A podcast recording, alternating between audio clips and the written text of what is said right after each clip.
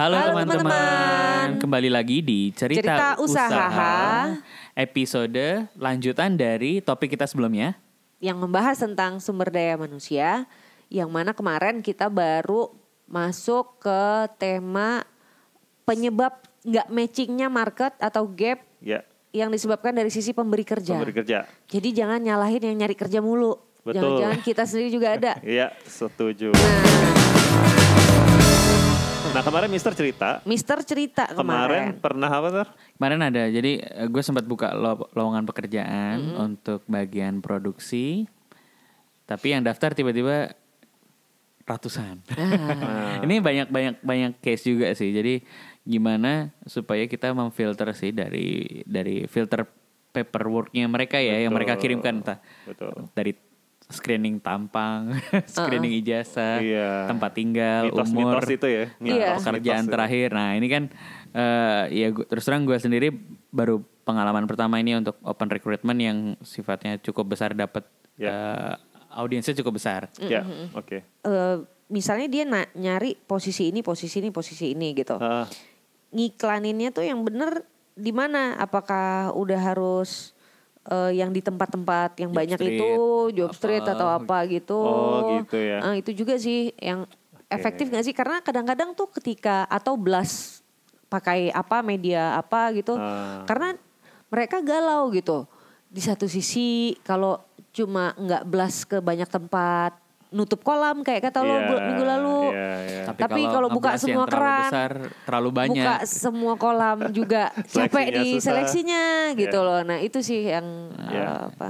Ya, kalau dari gua. sebenarnya gini, kalau kita berarti kita masuk dulu ke penempatan Dia dulu nih yang atau ke mana dulu? Oh, yang itu dulu ya. Oke, dulu, case case-nya dulu. Mister dulu Mister aja. dulu ya, Oke. ah. Cara seleksi massal. Mm-mm. Pertama kali kalau gua pribadi lihat yang kita cek niat kerja. Caranya adalah kita kasih tugas. Jadi yang yang apply ke lu lewat apa? Instagram. Eh, jadi waktu itu gue bikinin Google Form. Mm-mm. Jadi gue bikin mereka masuk ke sebuah masuk ke sebuah link yang mereka harus ngisi Oke. pertanyaan yang gue sediakan. Kalau gua jadi lu, pertama gua akan kasih tauin semua informasi tentang proses seleksi ini akan ada di mana. Contoh, semua informasi tentang proses seleksi akan saya update di IG story saya. Kalau lu niat kerja, lu akan terus ngeliatin Insta story gua untuk tahu bagaimana proses selanjutnya. Pertama, isi Google Form. Udah. Dah. Heeh. Habis itu nggak usah hubungin Japri satu-satu. Terus saya bilang kedua, eh, semuanya minta tolong untuk membuat apa, tugas apa. Ya itu bisa bentuknya macam-macam. Bisa tolong kirimin eh, foto di mana lu pernah kerja sama bos lo, foto sama bos lo. Misalkan, lalu tag bos lo itu siapa? ya, Iya, iya. itu kan gila PR kan? ya. Kalau kalau dia udah pernah kerja ya, Ah. kalau lu belum pernah kerja, tolong lu foto selfie sama orang yang bisa mereferensikan lo atau menjamin bahwa lo tuh orang bagus atau lo orang niat kerja. Heeh, heeh.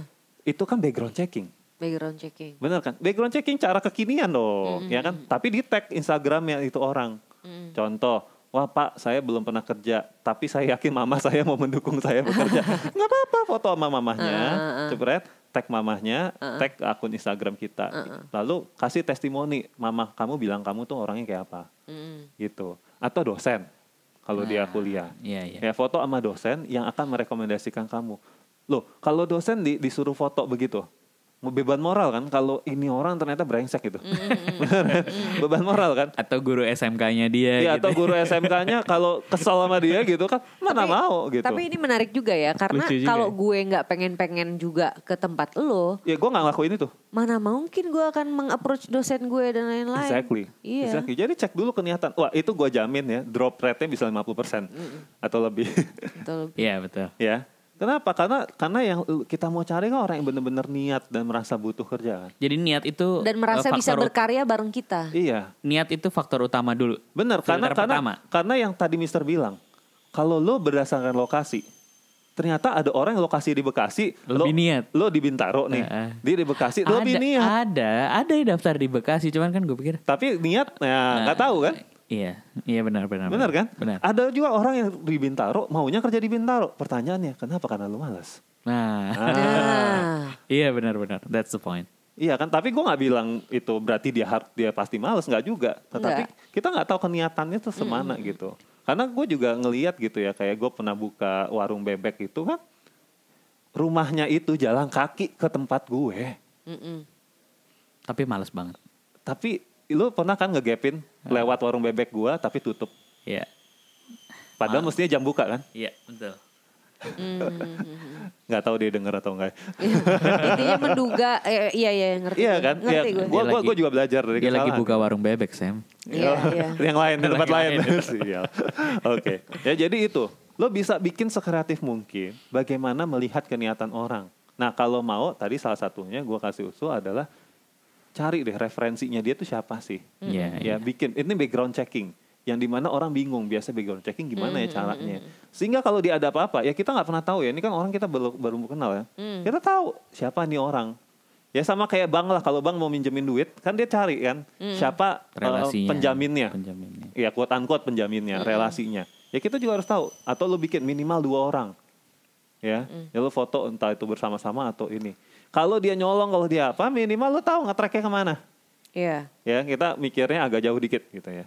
Karena kita nggak pernah tahu loh orang itu kayak apa. Nah itu satu. Atau kalau lu butuh yang technical uh, spesifik ya bikin tes dulu gitu. Kalau yang spesifik, kalau spesifik ya, kalau technical butuh, uh-uh. ya bikin tes dulu. Ya misalkan atau tadi ketelitian. Kemarin kita bahas lu butuh orang untuk quality assurance. Ketelitian. Tes tes sederhana aja dulu. Ini coba cari yang dari pola ini mana yang Dari satu ember ini tolong pisahkan beras yang berwarna lain. Iya, gitu. kalau kalau on- online nih, kalau online kan banyak tuh tes-tes ketelitian online kan. Oh bisa, bisa ngambil dari Bisa beberapa. aja iya yang yang ini. Sebenarnya yang kita lihat bukan bener atau enggaknya, dia ngerjain atau enggak sih Oke. tesnya. Kan tadi ya niat juga iya. ya. Ya. Nah, makanya itu semuanya dan kita nggak nggak feeding, kita nggak nyuapin. Siap siap. Kita nggak nyolek-nyolekin, "Eh, ayo dong, ini ini." Gitu. Intinya dengan dia mau ngerjain tes, Iya, itu kan udah screening niatnya. niatnya lagi. Keti- nilai dari hasil tesnya Bonus. itu bonus. Itu bonus. Karena kita mau ngelihat, oh berarti gue tinggal educate dia dari sini sampai sini doang. Betul. Gitu kan. Betul. Apalagi kalau Sip, misalkan teman-teman di industri Paham, apa uh, fashion dan ternyata butuh orang yang uh, maaf harus melek warna. Mm, mm, mm. Ya, ya, ya mau nggak mau karena itu requirement pekerjaan, bukannya mendiskriminasikan. Ya udah tes aja dulu. Mm-mm. Ya, apakah dia bisa melihat semua warna atau tidak? Itu kan udah menyaring. Ya, jadi itu cara screeningnya. Dulu gue pernah begini, nyari orang sales, ya untuk untuk klien Mm-mm. sales sales yang untuk produknya itu sebenarnya produk eh, kekinian juga produknya eh, digital mm-mm. Caranya gimana ke mahasiswa nih padahal gitu ya gue suruh bikin video dua menit Mm-mm. lalu dia harus jualan tentang dirinya kenapa dia harus masuk tapi Oke. tapi kita juga harus tahu apa yang mesti kita lihat dari video itu Ada bukan cara tampangnya. menilainya ya. Nah, lalu gue juga gue juga memahami nggak semua orang itu punya fasilitas atau punya Merekam. eh, ini untuk merekam. Jadi gue juga kasih kesempatan orang Pakai untuk nulis handphone aja. Esai. Oh nulis. Nulis esai. Tapi sama kurang lebih 500 kata atau 1000 kata itu equal dengan Dua video 2 menit. Nah, tapi gue ngajarin juga gimana caranya untuk melihat esainya. Ya, apa yang, di, apa yang bisa, dilihat? bisa dinilai dari video dan Betul. essay tersebut. Dan kita kasih guideline di videonya. Kita kasih guideline segini. Yang kamu harus di video dan Ceritakan adalah esainya ini. adalah ini, ini, ini. You know what? 50% drop hanya karena tidak mengikuti guideline kita. Oke. Berarti Karena kan dia nggak niat, nggak teliti, Nggak- baca. Berarti dia meremehkan. Ah gampang lah. Dia hanya lihat sekilas. Nah kita nggak mau orang yang kayak gitu. Yang penting gue ganteng terus selesai. Iya. Bahkan bahkan ada video yang kita sama sekali nggak nonton visualnya, kita hanya dengerin. Karena yang penting bukan visualnya. Kalau memang itu yang kita cari ya. Iya. Yang penting kontennya. Ya itu jadi teman-teman bisa banyak banget tuh trik-triknya. Kasih guidance, suruh dia ikutin, tulis sesuatu. Kalau dia nggak ngikutin berarti udah coret. Itu dia tuh yang PR tuh. Kasih guidance. Banyak yang ngasih poin-poin guidance pun bingung. Betul, Semi. ya. Nah ini makanya case per case. Mendingan gini, kalau ada teman-teman bingung, tanya, kita bisa tanya ke app cerita usaha ya di Nah. DM. Heeh. Bilang aja gini, Mas, eh, Kak- Kak Sam, aku mau promosi eh, rekrutmen untuk posisi ini. Ya kasih tahu dikit kayak eh, tujuannya kerjaan itu ngapain ya tujuan akhir kerjaannya apa gitu. Sama KPI-nya ya. sama KPI tadi tujuan akhir pengennya kerjaannya tuh apa ya. kayak contoh semi tuh menurut gue bagus banget tuh. Jadi saya tuh butuh orang yang bisa bantu saya naikin omset Ya. dua kali lipat. ya segitu Atau saya tuh butuh orang yang bisa eh, neken bantu saya neken biaya produksi atau mempercepat waktu produksi Ya. dari sekian jam jadi sekian jam. Gitu, Saya misal. butuh orang seperti apakah? Nah, ya baru gitu. baru diturunin Baru Baru enak kan kita bikin Exactly. guidelines per segala jadi gampang tuh Betul. kalau ada begituan kan. Betul. Nah itu that's one part. Nah gue mau ngomongin juga soal psikotes. Oke. Nih, Itu gue paling kesel tuh kalau nah gue. psikotes tuh bahayanya begini. Bahayanya adalah membuat kita jadi melabel orang lagi, Heeh. gitu. Hmm. Em, karena begini, ketika kita mengerjakan psikotes itu kita dan dan alat itu hasilnya itu dipakai untuk menseleksi. Saya pribadi, ini, ini kalau terutama yang sifatnya kepribadian ya, Hmm.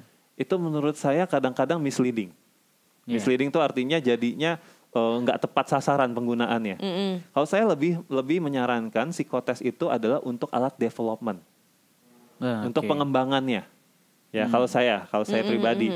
Jadi kita hanya tahu posisi dia saat ini seperti apa, tapi bukan berarti dia akan terus akan menjadi seperti ini. Contoh, ya, ini orang di, diklaim dari hasil psikotesnya adalah introvert. And then kita mulai berpikir nih kalau kita nggak cerdas, kita akan berpikir oh berarti dia nggak akan mau ketemu orang lain. Padahal enggak.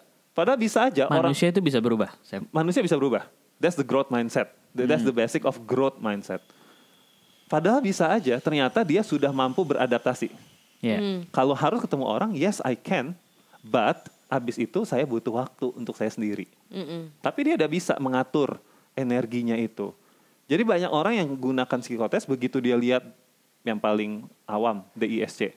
Oh dia bukan orang dominan, bukan orang influence, berarti dia nggak cocok untuk orang sales.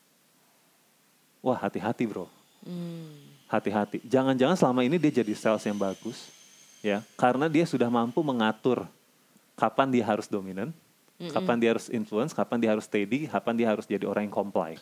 Kalau psikotes tuh kayak tergantung mood nggak sih Sam? Bisa jadi, bisa jadi. Bukan mood sih, tepatnya lebih kepada kondisi dia saat itu. Iya, maksudnya Iya. hari itu lagi Hari capek, itu lagi terus capek. kayak penilaiannya jadi berubah semua. Iya, atau Kayak- dia habis diputusin pacar.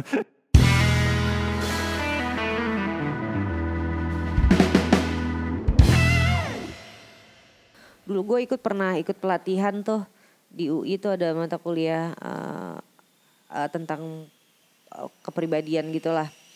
Ada suatu materi pelatihan yang gue selalu ingat dari dosen psikologi waktu itu dia bilang ada kepribadian ada karakter. Hmm, Kalau kepribadian itu bawaan kita lahir bahwa kita pemalu, bahwa kita tuh penakut, bahwa itu sesuatu yang dari dulu nggak ada yang ngajarin, nggak apa by default kita gitu aja. ada di DNA kita ya. Ada di DNA. Gue setelah punya anak baru paham itu ya, karena Betul. dua anak gue ini kan emaknya sama, bapaknya sama, konteks lingkungannya sama, tapi kenapa Beda ya. beda banget nih Yes. dua anak ini gitu ya. Yes. Nah itu namanya personality.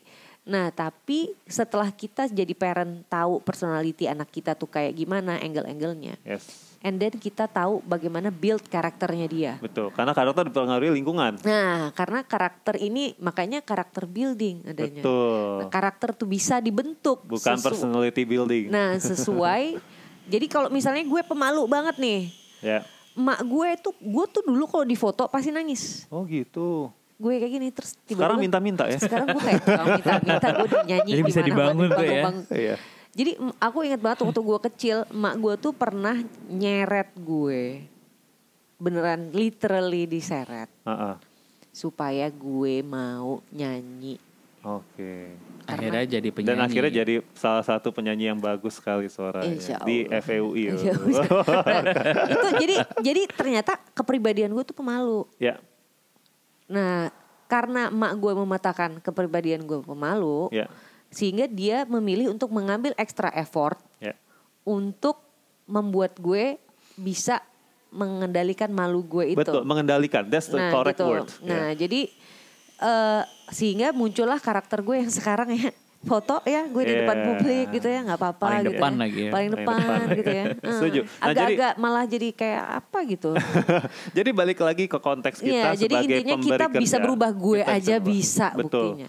Jadi pun kita sebagai pemberi kerja, sebagai bos juga gitu ya, sebagai leader. Ketika kita masuk nih orang rekrutmen, kita harus lihat potensinya. Mm-mm. Jangan melulu cari yang udah jadi Betul. gitu ya. Kenapa? Makanya tadi kalau oke lah lu pakai psikotes segala macam, it's okay. Tetapi ingat, ini potret dia saat ini Saat detik ini. ya potret dia in the future itu depends on how, How- I how I as a boss sebagai leadernya Treat itu dia. develop dia Iya. ya kalau dia punya potensi dan kebetulan cocok dengan apa core skills yang saya butuhkan terhadap pekerjaan saya ambil Hmm. jadi ingat yang di episode sebelumnya jangan cari Superman Ya. Iya. ya jadi balik ke cara seleksi cara seleksi yang menjadi kita salah menseleksi adalah kadang-kadang mindset kita Mm-mm. gitu. Mindset kita adalah kita menseleksi hanya untuk mencari orang yang udah jadi.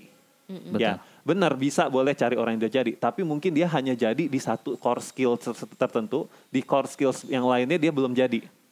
Iya. Gitu ya. nggak apa-apa, develop aja. Mau nambahin Boleh. sedikit pengalaman. Pernah gue ceritain di episode selanjut sebelumnya dulu kan. Eh, dari pengalaman gue untuk menemukan pegawai emang gue meraba ya Sam. Jadi gue tidak Loh, punya maksudnya lu meraba-raba. Jadi eh, karena emang gue tidak punya experience untuk meng-hire ya. Iya. Tapi based on experience ini, akhirnya gue belajar juga. Jadi ternyata ini ini juga eh, jadi karakter gue juga sih mungkin. Gue jadi seneng ngedevelop orang. That's good. Eh, jadi gini, jadi kan awal dulu punya pegawai S1 dua kali, terus kemudian ada yang D3, kemudian ada yang D1. In the end malah gue malah senang eh, Yeah. meng-hire teman-teman yang SMK. Ya. SMK ini kan ya pernah beberapa kali kita juga ngobrol juga ya sama teman-teman SMK. Kalau mereka dibilang siap kerja, sebenarnya nggak juga pada saat ini ya. Mungkin ya tergantung sekolahnya dan orangnya juga sih. Cuman eh, ketika gue ber, ber- bertemu dengan teman-teman dari SMK atau atau bahkan pegawai gue ada yang lulusan SD dan SMP. Ini eh, mereka malah sebenarnya bisa banget dibentuk Betul. belum belum punya apa ya kayak karakter atau dia paling bisa apa. Nah, justru ini dan- Ibarat kalau semen, semennya belum kering. iya kayak pledo. Iya kayak Play-Doh. Jadi kita masih bisa bentuk. Ini pengalaman gue ya dari di UKM ya, di Ya. dunia UKM yang mungkin belum membutuhkan eh, satu ske- set skill yang profesional banget gitu. Betul. Nah, di di teman-teman pegawai gue yang eh, staff gue yang lulusan SD, SMP dan SMK, ini mereka lebih appreciate banget ini. Ini pengalaman gue ya. Ketika kita mengajarkan sesuatu yang baru sama mereka, itu mereka appreciate luar biasa. Iya. Iya. Kayak, waduh senang banget mas diajarin kayak gini. Ini Iya. dulu nggak pernah kita dapat. Dan mereka jadi kayak, waduh senang banget gitu. Jadi malah malah mereka semangat. Ya. Terus dari situ memang perlu waktu ya. Jadi akhirnya gue kasih pelan-pelan gue delegasikan tanggung jawab yang lebih besar, lebih besar, lebih besar, lebih besar. Dibaringnya dengan insentif yang lebih. Mm-mm. Jadi gajinya naik atau dapat komisi yang naik dan sebagainya. Itu mereka eh, penghargaan terhadap satu effort yang kita lakukan yang membentuk mereka itu luar biasa. Hmm. Attachmentnya sama kita ya, Ya, betul. sebagai pemilik ya. Betul. Mereka juga bisa jadi Superman Bisa, someday. Gue gue yakin Oke. kan eh, kita bisa dengan Asal jangan kita blok. Iya Betul. iya. Iya. Justru justru ini gue gua Kadang-kadang- memberikan memberikan kesempatan ke semua pegawai gue eh, kesempatan yang sama untuk melakukan eh, apa yang mereka suka That's gitu. good. That's good. Dan mereka akhirnya mem- memiliki satu. Mereka timbullah rasa mem- memiliki Ya. ah, semangat. Ya. Terus ketika dia jalin hal baru mereka excite ada excitement yang Iya. yang meluap. Ini gue lihat sekali ketika Hmm. kita memberikan sesuatu tuh mereka ada apa ya lonjakan emosi yang positif gitu. Dan, dan berpengaruh kepada produktif, produktivitas. Produktivitas dan yang terakhir loyalitas. Loyalitas. Oke. Jadi eh, kebanyakan pegawai gue bahkan udah Ya. dari 9 tahun lalu gitu Nah, masih stay sama gue. Nanti nih Mister itu nanti masuk udah mulai masuk ke ranah retention. Ingat gak yang Ah, di iya, episode iya. berikutnya Iya, ya? iya, iya, tapi iya. benar, tapi awalnya adalah mindset bahwa ketika gue merekrut, I recruit to develop. Nah, Bukan I recruit untuk memeras orang ini supaya bekerja sekeras-kerasnya buat gua. And then kalau dia udah tua, dia udah ini gua keluarin atau dia udah gagal gua keluarin. Bukan Intinya seperti mindset itu. yang benar mindset adalah yang benar I dalam recruit to develop. I recruit for develop. So I recruit for potentials. Karena gue pribadi gua itu mengalami di mana gue direkrut hanya karena potensi gua Hmm. di satu perusahaan yang padahal besar, yang sudah sangat regulated, yaitu bank. Mm-mm. Jadi sejujur-jujurnya, gue waktu itu direkrut ketika bahkan gue belum lulus kuliah. Mm-mm. Dan statusnya awalnya dari pegawai kontrak dinaikin jadi pegawai tetap, itu pada saat gue juga belum lulus kuliah. Mm-mm. Nah ini kan berarti dan membuktikan bahwa eh, apa namanya tadi yang kemarin gue bilang atribut itu jangan terlalu didewakan gitu. Ini anak yang belum punya ijazah S1 loh, Mm-mm. tapi udah masuk di eh, posisi yang lumayan dikasih kepercayaan bahkan ketika belum lulus. Cuman mereka minta gue janji aja tapi tahun ini lulus ya gitu Ah, aja. ah, ah. Which is ya udah gitu, gue juga lulus akhirnya gitu kan. Mhm. Nah, Terpaksa makanya lulus. terpaksa lulus karena dikasih kepercayaan dan dikasih banyak ini kan rewards gitu. Jadi that's why gue sangat ingin mempromosikan konsep ini gitu loh. Bahwa karena gue adalah produk dari orang yang percaya meng-hire gue bukan karena ijazah gue Hmm. Hmm. gitu. Tapi dia ngelihat potensi gue. Karena diri dirinya apa yang Iya, karena apa value yang ada ya. di gua, Iya. value apa yang gue pegang, result gua itu seperti apa, Mm-mm. gitu. Jadi teman-teman yang pemberi pem- pem- pemberi kerja juga please punya, yuk kita belajar punya mindset yang seperti itu. Mm-mm. Karena gue pribadi pun gue menerapkan, gue di perusahaan gue, gue pernah hire anak lulusan SMA. You know what? Anak lulusan SMA dan apa? Dan yang nggak lulus masuk SPMB, eh, apa? Ujian perguruan tinggi negeri. Ipen ah itulah UMPTN zaman dulu gitu, Simpen Iya. Maru dulu-dulu Nggak, itu. maksudnya apa? Kalau kalau kalau dunia melihat, berarti dia kan produk gagal. Mm-mm. Lulus SMA, tidak lulus masuk perguruan tinggi negeri, Mm-mm. lalu kok malah gue hire, Mm-mm. gitu kan? Ya karena gue tadi gue ulangin lagi konsepnya, gue tahu apa yang gue mau, yang gue butuhkan, gue tahu apa yang gue butuhkan. Yang gue butuhkan saat itu adalah eh, A, B, C, D, dan pas gue ketemu dia, gue melihat itu ada di diri dia, hanya tinggal gue develop aja, dan gue mau develop dia. Mm-mm. in result selama setahun dia sambil quote unquote nunggu kuliah gitu ya ya udah dia belajar sama gua dia kerja sama gua dan sekarang dia udah kuliah dan yang membuat gua senang adalah dia pernah bilang gitu kak untung banget ikut kakak karena di kuliah saya disuruh presentasi suruh bikin presentasi dan saya ingat apa yang kakak ajarin. Mm-mm. gitu. So Ini bahasanya kakak agak oh, kan kak Sam Tanya Kak saya Sam. tanya kak Sam Hashtag- hashtagnya hashtag kayak manis banget gitu. Iya. Oh iya dong. Kakak Iya, Orangnya juga manis sih. Oh, ups, orangnya Tapi- dengar loh ini. Tapi tapi Eh, tapi- Jod- Jod- Jod- eh nggak jadi nggak jadi sensor, sensor. sensor sensor ya Iya. Oke. oke oke kita harus ganti topik. kita kalau ngomongin SDM tuh memang butuh waktu yang panjang ya waktu yang karena kalau dari pengalaman gue pribadi tuh at the end of the day mengelola bisnis, mengelola organisasi, mengelola orang itu tuh seni tingkat tinggi. Betul. Bener nggak sih? Nggak ada pakemnya Dan yang pengalaman gimana-gimana, semua Bang. orang beda-beda. Beda-beda Iya, iya. dan yang pasti tapi kalau sebagai leader juga sebagai business owner atau sebagai teacher juga gue pengen sharing sedikit sih Boleh. Gue pengen menekankan poin lo Sam yang Ya. soal kita harus percaya bahwa orang bisa berubah Ya. gitu nah eh, dengan mindset ini kita itu paling enggak yang harus dilakukan di awal tuh ngasih kesempatan yang sama untuk semua SDM kita Hmm. bahwa mereka bisa berkembang begini-begini begini kalau mereka ngerjain tugas ini, tugas Betul. itu, tugas itu gitu kan. Betul. Sehingga kita jadi tahu eh seberapa passionate dia terhadap satu hal. Betul. Nah, tips itu tuh gue dapet dari salah satu eh, CEO gitu. Dia bilang, aku waktu itu galau gimana ya gue mau milih yang mau ka- gue kader sebagai lebih dekat tuh yang mana dibanding yang, yang kandidat lainnya, yang lain gitu. Dia bilang gampang Mbak Dewi suruh kelola project aja. Betul. Jadiin project Bikinin leader. bikinin project eh, saya jadiin project leader and then you start to know how they organize thing and lalala. Oh, iya juga Oh, ya. iya. Gampang juga ya tinggal. Jadi eh itu tapi itu di jadi kayak open recruitment internal gitu. Ya. Jadi open recruitment internal yang mana eh, kita ngasih apa namanya ngasih kesempatan semua yang mau jadi project leader itu boleh daftar gitu. Betul. Nah nanti Terus- kelihatan tuh yang mau kelihatan. Jadi dia pitch konsep, dia Iya. pitch eh, macem-macem gitu kan. Akhirnya kita bisa milih and then kita mulai eh, merasa ideation proses, creativity proses nggak lagi dari kita. Betul. Dan yang paling penting kita lihat sense of responsibility-nya dia. Mm, mm, mm, mm. Nah jadi ini tuh paling gue mau Betul. nambahin bahwa ada satu activity Ya. lagi nih di dalam suatu organisasi kalau misalnya kita makin gede kita makin Ya. butuh mencetak leader eh, dan lain-lain Mm. eh, maka mungkin salah satu caranya adalah dengan suruh mereka minta tugasnya tadi berupa project management bikin kegiatan apa bikin Ya. Nah itu itu konsep juga karena kita ngelihat dari konsep dia meng- mengkonsep acara dari ini, ini itu kelihatan juga semua udah yang gue lakukan ke bahkan ke anak magang gue. Hmm. Jadi ke anak magang gue gue bilang gini kerjaan gue banyak. Mm-mm.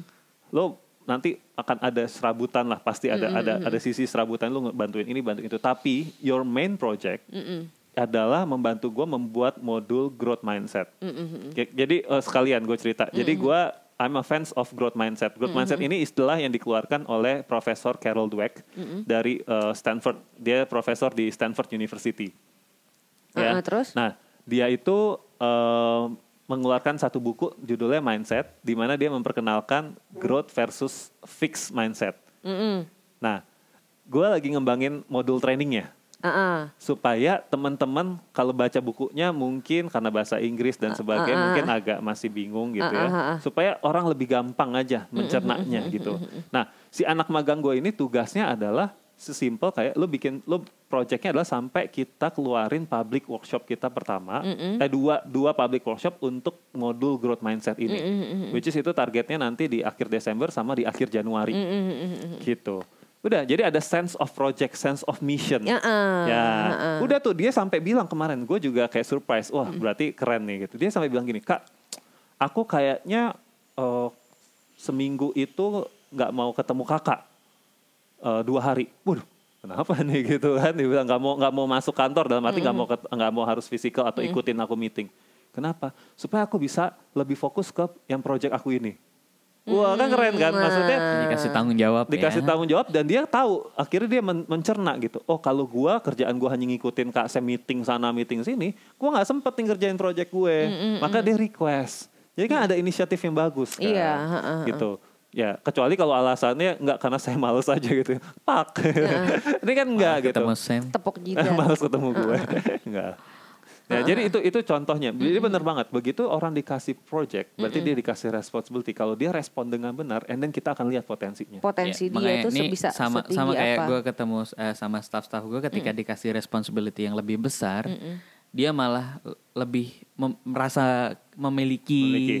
rasa Betul. rasa apa ya semua semuanya malah dia all out kan. dikasih kita, kita keluarin. tapi tapi jangan berhenti sampai situ lo harus tahu konsekuensinya Iya. ada resiko Apa? yaitu dia nggak perform bener nggak kan Uh-uh. ini kan baru kan maksudnya ini kan dia bukan yang pengalaman ya Oh anak iya. magang gue Iya, juga nah Jelas, ini jelas. dia Uh-uh. tapi kita lupa akan resikonya sehingga begitu ada project yang tidak sesuai dengan gagal, ekspektasi kita kita malah langsung blaming. nge-kill dia Uh-uh, blaming kita langsung jangan. bunuh dia. Nah itu jangan.